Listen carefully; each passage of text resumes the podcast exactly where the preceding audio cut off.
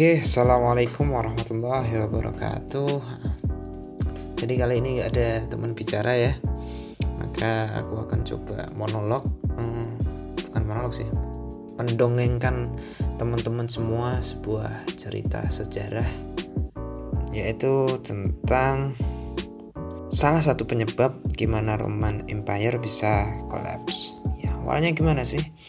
Jadi tahun 117 Roman Empire pernah punya wilayah yang luas sekali, uh, hampir satu Europe, sebagian Asia dan uh, Afrika yang di bagian atas-atasnya atau di bagian utaranya. Plus usianya itu bisa bertahan sampai ratusan tahun. Jadi wah gila banget sih emang lagi jaya sekali dulu. Nah, perdaganganlah yang bikin Roman Empire bisa seluas itu dan menciptakan kesejahteraan uh, untuk rakyatnya untuk urusan dagang Roman Empire itu punya mata uang sendiri ya. Namanya denarius. Bahan dasarnya itu dari perak jadi silver coin lah. Kira-kira sama dengan dirham.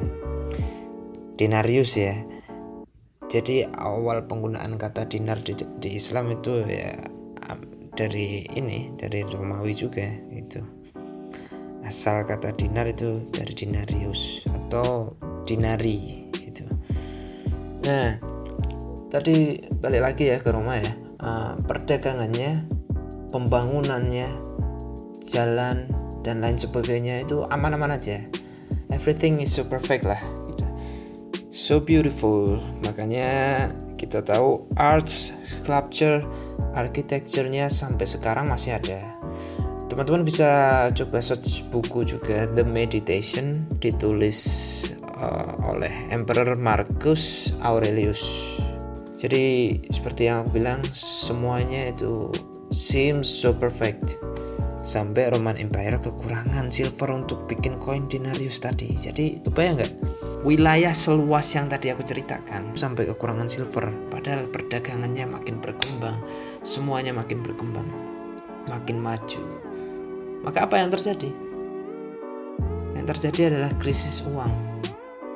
Terus gimana dong proyek-proyek kaisar kan mau bikin biasanya mereka kan suka bikin acara kayak gladiator. Lalu bagaimana tentang pembangunan istana baru ekspedisi perang dan lain-lain. Maka Roman Emperor bikin kebijakan yang namanya debasement apa itu debasement jadi gini karena kekurangan silver ya tadi maka mereka cetak uang baru dengan kadar silver yang lebih rendah dari sebelumnya. Tapi nilainya sama, nilainya tetap sama. Jadi satu denarius yang awalnya itu berisi 3,9 gram silver mulai itu dikurangi jadi 3,3 gram kemudian turun lagi jadi 2 gram diturunin lagi jadi satu setengah gram. Ketika kadarnya dikurangi uh, sisanya itu diisi tembaga. Sampai di akhir masanya itu tembaga semua. Silvernya cuma di bagian coatingnya aja atau pelapisnya aja. Nah itulah debasement itu debasement nilai mata uangnya tetap sama satu denarius tapi kadar silvernya dikurangin atau face value-nya sama tapi intrinsic value-nya dikurangin maka pada masanya uang yang beredar itu beragam dan nilainya sama. Yang silvernya masih banyak, masih beredar. Yang silvernya jadi pelapis aja itu juga beredar.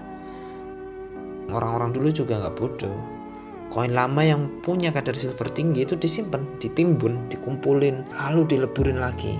Wah, jadi mereka cetak lagi dan jadilah sebuah uang yang sama dengan silver sebagai pelapisnya tadi. Kita sebut uang ini sebagai Bitcoin ya. Pada akhirnya tinggal Bitcoin aja lah yang beredar di ekonomi.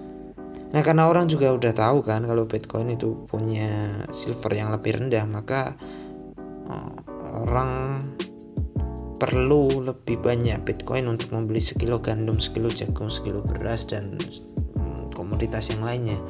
Dengan kata lain harganya naik. Karena orang tahu oh ini silvernya dikit kok ya tak naikin. Maka yang terjadi adalah inflasi. Dan paling parah itu kadar silver di koin Roman Empire cuma tinggal setengah persen. Setengah persen orang-orang udah pada nggak percaya lagi tuh sama koin tadi. Terus sempat balik lagi ke sistem barter. Maka ya ekonominya lumpuh. Kebutuhan makin tinggi dan harga makin naik dan lihat dari itu Roman Empire memperlakukan teks yang kelewat mahal ke rakyatnya. Apalagi untuk bayar Roman Legionnaire atau tentaranya Roma itu mahal sekali. Karena memang tentaranya Roma adalah tentara paling mahal di zamannya. Karena ekonomi Roma udah nggak jelas masuklah ke masa yang namanya Crisis of the Third Century. Ada sekitar 30 emperor yang di assassinate negaranya nggak jelas dan akhirnya collapse. Jadi Rome did not fall in a day. Ya. Jadi itu salah satu penyebab runtuhnya Roma selain diserang oleh rakyat barbarian ya. Jadi itulah cerita runtuhnya Roma dan inflasi dinar di masanya. Semoga bisa bermanfaat. Makasih. Assalamualaikum warahmatullahi wabarakatuh.